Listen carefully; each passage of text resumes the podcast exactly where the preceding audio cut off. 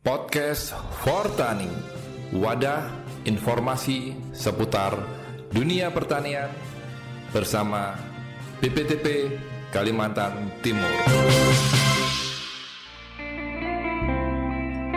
Assalamualaikum warahmatullahi wabarakatuh.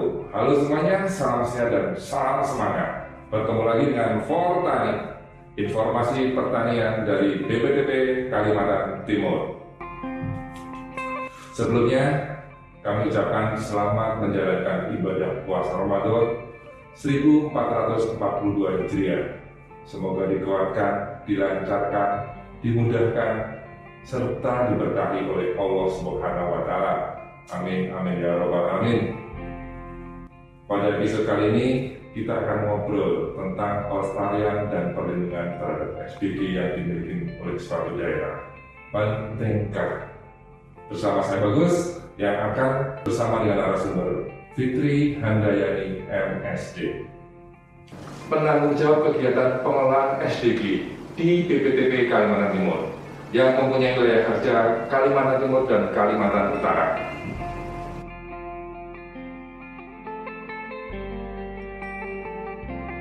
Selamat pagi dan terima kasih berkenan bergabung Bu Fitri Handayani. Selamat pagi Pak Bagus. Wow, hari ini kayaknya pakai kebaya nih.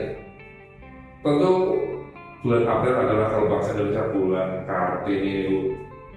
Iya betul sekali. Iya, betul. Jadi ini bulan April, bulannya perempuan Indonesia dan salah satu cara kami di BPT Kaltim merayakannya dan dengan eh, menunjukkan mengenakan simbol uh, simbol Kartini dan dengan kebaya di hari ini.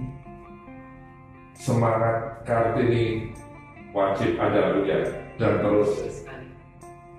Oke, kembali ke topik Bu. Langsung saja bahwa topik kita kali ini adalah perlindungan pelestarian SDG. Pentingkah? Akan kita ngobrol nanti Bu. Seperti apa SDG? Bagaimana melindunginya? Dan di mana pentingnya? Langsung saja Bu. Mulai dari awal. SDG itu apa sih SDG itu? Jadi waktu kita bicara tentang SDG atau sumber daya genetik ya, itu tidak lepas dari bicara tentang keanekaragaman hayati. Karena masih banyak yang salah mengartikan uh, kedua istilah ini. Jadi keanekaragaman hayati dalam suatu wilayah itu terdiri dari keanekaragaman ekosistem, kemudian keanekaragaman spesies dan keanekaragaman genetik di dalam uh, suatu spesies. Nah, keanekaragaman dalam spesies ini yang kita sebut sebagai uh, keanekaragaman SDG. keanekaragaman hayati artinya yang hidup ya bu ya? Baik Iya, tanaman ternak apa pun yang hidup. Segala semua benda hidup di dalam suatu wilayah. Mulai dari mikroba, bakteri yang tidak tidak kelihatan sampai dengan yang terlihat seperti tanaman dan hewan. oh, oh, oh, oh, oke oke oke oke. Baik itu terkait definisi SDG terus terkait dengan perlindungan atau pelestarian yang di dalamnya ada tiga unsur utama yaitu pelestarian perlindungan dan terakhir pemanfaatan gimana atau di mana pentingnya? Oke, jadi eh, keragaman SDG itu perlu dilindungi dan dilestarikan agar dapat terus dimanfaatkan baik secara langsung maupun tidak langsung. Pemanfaatan secara langsung misalnya dengan eh, penggunaan sebagai eh, bahan makanan, kemudian bahan obat tradisional dan juga ada industri farmasi modern. Namun selain SDG yang saat ini sudah termanfaatkan, itu masih banyak sekali uh, SDG-SDG lain yang uh, belum tereksplorasi, bahkan mungkin belum bisa dari keberadaannya, tapi sebenarnya memiliki potensi yang sangat besar. Nah, SDG-SDG inilah yang uh, rentan punah, rentan rusak dan uh, rentan dicuri oleh pihak-pihak yang uh, tidak bertanggung jawab, sehingga inilah yang uh, harus kita lindungi dan kita lestarikan. Baik. Itu tadi uraian betapa pentingnya pelestarian dan perlindungan SDG yang kita miliki. Tentu salah satunya adalah ujung-ujungnya bermanfaat untuk masyarakat. Terus pertanyaan berikutnya adalah siapa yang punya kewajiban, punya tanggung jawab terhadap ini dan kemudian apa yang harus dilakukan untuk melakukan hal itu? Jadi tanggung jawab untuk uh, melestarikan dan SDG itu uh, ada di kita semua, jadi bukan hanya pemerintah, uh, daerah terutama pemerintahan terkait, tapi juga uh, dalam masyarakat. Masyarakat, stop, masyarakat. Artinya paling ujung menurut saya ya, paling ujung biasanya yeah. tanaman ternak yang memiliki bukan pemerintah biasa di masyarakat, yeah, kalau ini FDG. Yeah, FDG itu kan kadang-kadang di tempat yang jauh, susah, dan ya pasti bagi masyarakat. Gimana itu? Ya, jadi peran masyarakat dalam uh, melindungi dan melestarikan SDG karena uh, cara terbaik untuk melestarikan dan melindungi SDG itu adalah dengan memanfaatkannya. Ketika uh, suatu SDG itu suatu sumber daya genetik tanaman atau hewan itu memberikan manfaat secara jelas memberikan keuntungan secara finansial bagi uh, masyarakat pemiliknya, tentu SDG itu akan otomatis dijaga dan dirawat oleh uh, si pemiliknya tersebut sehingga uh, aman, uh, tidak terancam dari pemunahan. Iya betul. Kalau kalau menurut saya sih itu ada apa naluri naluri. Iya naluri. Secara alam ya nalurinya pasti ah, begitu. Ketika kita manusiawi banget ya, gitu ketika ketika menguntungkan pasti ketika menguntungkan memanfaatkan tanpa disuruh pun juga akan menjaga, melestarikan dan mungkin juga kalau bicara tanaman dan sebagainya akan membudidayakan karena berdampak positif buat keluarganya, buat dirinya. Baik, lanjut Bu. Terkait upaya perlindungannya, apa yang harus dilakukan? Nah itu tadi, uh, kita, kita bicara SDG yang sudah termanfaatkan, memberikan keuntungan, pasti otomatis akan terjaga. Uh, tapi ketika SDG itu belum ketahui potensinya, eh, nggak uh, tahu manfaatnya apa, nah biasanya masyarakat kan susah juga diminta memelihara tanaman atau ternak misalnya tidak punya keuntungan. Jadi di situlah sebenarnya peran uh, pemerintah uh, dalam melakukan perlindungan baik secara in situ maupun in situ, konservasi secara in situ maupun in situ untuk menjaga agar suatu itu tetap lestari. Melestarikan dengan cara in situ dan ex situ. Ya, hmm, Gak paham nih bu, mudah ini in situ ya bukan in sini ya. Oh, itu maksudnya kan kalau situ tuh teman-temannya sini, sono, sana. Nah di sini ada in situ dan ex situ. Nah, tolong kasih sedikit aja bu biar kami paham. Jadi pelestarian in situ itu adalah pelestarian di habitat aslinya. Oh di habitat aslinya? Ya, di habitat aslinya. Seperti misalnya kalau di Kaltim kita punya generasi keluar ya, di sana ya, anggrek, anggrek, ya sebagai habitat asli anggrek. Jadi anggrek-anggrek spesies lokal itu di uh, lindungi, dilestarikan di habitat aslinya di hutan dikasih keluar itu. Sementara kalau uh, pelestarian teks itu itu di pelestarian di habitat aslinya. Uh, jadi misalnya dalam bentuk kebun koleksi atau kebun raya gitu ya. Jadi uh, suatu SDG kita bawa ke luar dari habitatnya, kemudian kita pelihara dan kita kembangkan di tempat lain agar tetap terjaga pelestarian. Artinya intinya dan tentu ada konsekuensinya ya. Kalau bicara in situ pastilah dia adaptif lah di situ, ya. pasti hidup lah. Tapi permasalahan ketika X itu tentu apakah tidak tidak berpotensi merubah karakteristik dari tanaman atau EDG itu sendiri? Uh, tidak juga sebenarnya. Uh, karena kan uh, kita bicara tanaman terutama ya. Yeah. Uh, misalnya di di populasi atau raya karena kan uh, pemeliharaan di sana pun akan dilakukan sesuai dengan uh, karakteristik dan kebutuhan uh, si tanaman tersebut si tanaman tersebut. Oh dikondisikan lah ya sesuai dengan kebutuhan yang bersangkutan. Misalnya dia, dia adalah habitat asli di hutan yang biasa ternaung, yeah. dia tidak akan ditumbuhkan di bawah sinar matahari. Oh gitu. Oke oke oke. Lanjut bu. Uh, terkait dengan sudah gimana dan dilanjutkan dengan salah satunya adalah mengoleksi baik di in situ menjaga maupun di ex situ. Terus kemudian kalau Kementerian Pertanian di mana posisinya dalam menjaga ketika bicara soal tanaman SDG tentunya Bu? Ya, jadi selain usaha-usaha konservasi tadi perlu juga uh, usaha perlindungan SDG yang uh, berbasis perlindungan hukum ya. Yeah. Uh, jadi agar SDG itu menjadi legal secara hukum. Salah satunya adalah dengan uh, melalui peraturan varietas lokal. Selain itu juga bisa dilakukan dengan uh, pelepasan varietas sebagai varietas unggul. Ya, uh, artinya sudah sudah ada wadah bu ya eh, bangsa Indonesia punya wadah melalui Kementerian Pertanian untuk melindungi kalau tadi PVTPP itu adalah varietas tanaman, artinya dia memang dalam konteks tanaman SDG. Berikutnya Bu terkait siapa pihak mana yang punya hak untuk mendaftarkan tanaman atau SDG tersebut ke Kementerian Pertanian dalam ini PVTPP tadi Bu. Ya kalau untuk eh, kita bicara tentang SDG lokal, jadi varietas Ya, lokal, SDG lokal. tanaman lokal, itu yang benar mendaftarkan adalah pemilik eh, SDG tersebut dalam hal ini adalah eh, masyarakat di wilayah sebaran SDG tersebut dan karena masyarakat masyarakat di sini diwakili oleh pemimpin daerah Daerah Bu ya. Jadi tergantung dengan sebaran geografisnya. Kalau suatu, suatu varietas lokal itu sebarannya ada di satu kecamatan atau di satu kabupaten, yang merasakan adalah uh, bupati atau wali kota dalam satu kota mewakili masyarakat di kabupaten tersebut. Tapi kalau sebarannya ada di beberapa kabupaten satu provinsi, jadi yang merasakan adalah uh, gubernur sebagai pemimpin di provinsi tersebut. Jadi oke itu kalau artinya ter, terendah adalah kabupaten Bu ya, kabupaten kota ya. Itu bupati ketika eh, lintas kabupaten dalam satu provinsi gubernur. Iya. Ya, oke, baik Bu.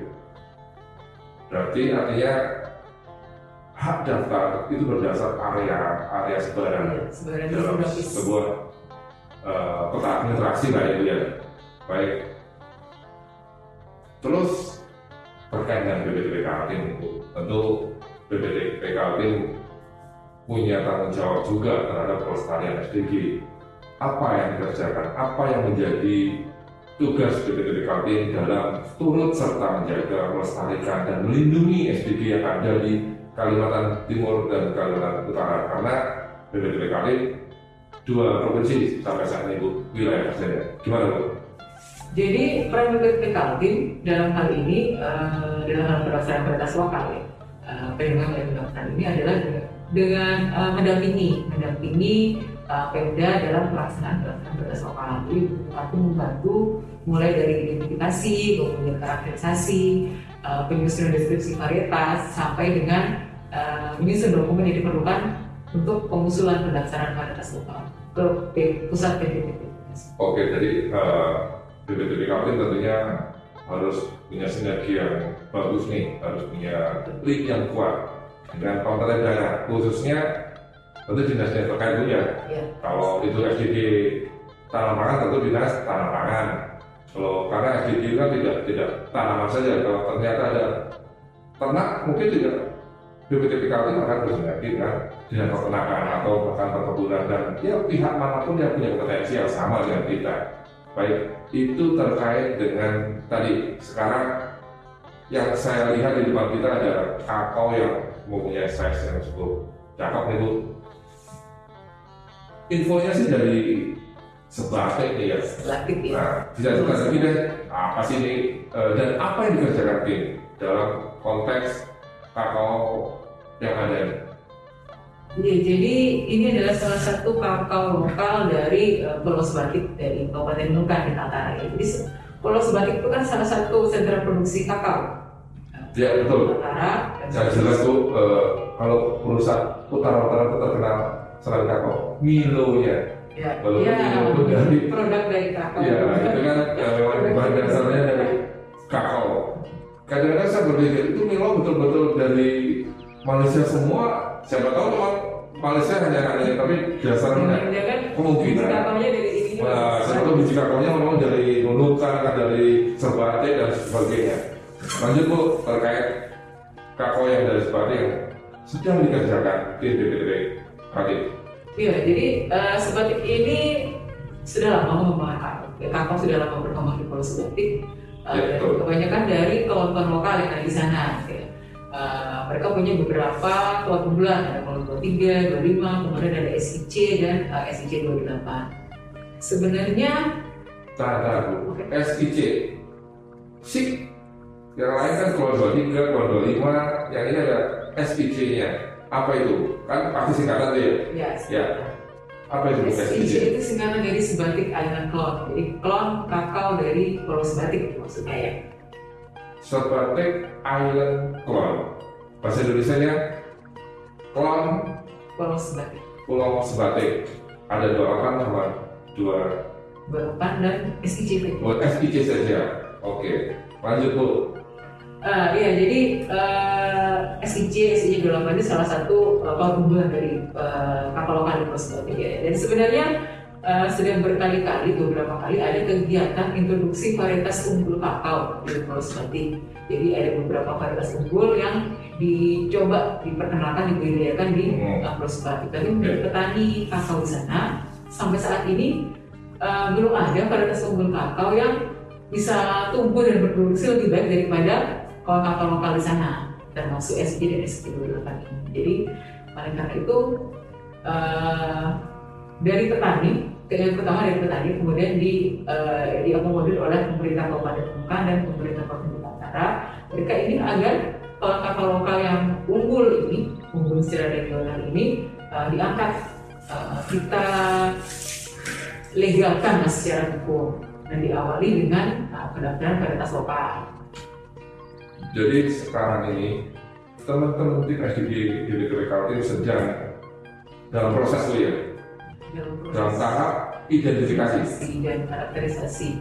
dan karakterisasi. Jadi makanya dua buah kakao ini nyampe ke BPK Kalimantan Timur. Baik, eh, Bu Watani ini adalah kakao yang berasal dari Sebatik Kalimantan Utara perbatasan dengan Malaysia. Kalau bicara size besar berapa Bu? Ada yang satu kilo lebih itu sekitar 1,2 ya. 1,2 kilo. 900 gram sampai 1 Berapa? sekitar 900 gram sampai 1, Ya antara ya kurang lebihnya satu kilo lah. Tentu ini menjadi nilai tersendiri ya. Nah, semoga proses pendaftaran, proses melindungi klon. Kalau bicara klon tuh, ya itu kayaknya ranahnya ranahnya kakao ya. ranahnya kakao Iya. dalam perkebunan. Ya ranah perkebunan. Artinya semoga kualitas atau klon kakao ini bisa didaftarkan dan lancar dan mendapat sertifikat tanda daftar secepatnya. Sehingga Semoga setelah setelah pendaftaran varietas kita dapat Ya. STD-nya tadi, eh, jika memang memenuhi syarat, eh, harapan kami SIJ dan SJ 8 ini bisa dilepas sebagai varietas unggul, ya, unggul nasional maupun unggul regional yang spesifik lo- lokasi eh, agar eh, bisa dilanjutkan dengan eh, perbanyakan benihnya secara legal untuk pengembangan ke depan. Harapannya sebenarnya ke sana, tujuan tujuan akhirnya ke sana. Ya, betul. Kalau saya ingat kita salah satu varietas unggul yang dari Kaltim salah satunya adalah ada jeruk Borneo Prima. Terus harus dilepas dulu. Terus eh, jeruk nipis dari Kuba, saya lupa apa itu. Tapi itu adalah SDG kita. Terus Lai Mahakam itu juga sudah menjadi varietas unggul nasional yang notabene juga berasal dari Kalimantan Timur dan kita berharap juga klon ini juga menjadi demikian. Eh, baik, bukan tadi itu tadi obrolan singkat terkait dengan SDG, pelestarian, perlindungan dan pemanfaatannya begitu pentingnya dan siapa yang bertanggung jawab adalah kita semua. Kita wajib menjaganya, kita wajib melestarikannya untuk tentu kemaslahatan bersama untuk generasi-generasi kita berikutnya. Dan terakhir tentu adalah ketika itu mempunyai nilai ekonomis tinggi tentu mendapatkan pemanfaatan adalah masyarakat peningkatan pendapatan sehingga tentu kehidupannya juga meningkat begitu Bu Fitri ya Harapannya begitu. harapannya begitu baik Bu Fitri eh, mungkin ada lagi yang perlu disampaikan Bu Fitri. Ya tentu terkait sedikit di Kaltim dan Kaltara Bu mungkin pesan lah atau ajakan lah Iya, kalau pesan mungkin ini ya, saya ingin mengajak uh, kepada masyarakat, tetapi masyarakat yang menjadi bagian di depan ya dalam uh, pemanfaatan dan pelestarian SDG ini. Saya mengajak kepada masyarakat agar lebih peduli dengan keberadaan dan kelestarian SDG lokal, terutama di sekitar kita, dimulai dari sekitar kita. Uh, jika kita punya, mungkin uh, kita tidak menyadari bahwa apa yang kita punya, apa yang kita tanam di pekarangan kita, itu adalah sebuah SDG yang unik. Uh, makanya uh, mari kita lestarikan apa yang ada di sekitar kita dan jika memang kita uh, melihat sesuatu yang oh tanaman ini unik nih, uh, laporkanlah, ceritakan uh, agar itu tersampaikan kepada kami dan bisa ditindaklanjuti. Baik, uh, menarik Bu. Artinya uh, BPTPKS membuka, membuka pintu, membuka tangan, membuka artinya membuka kesempatan bersama-sama.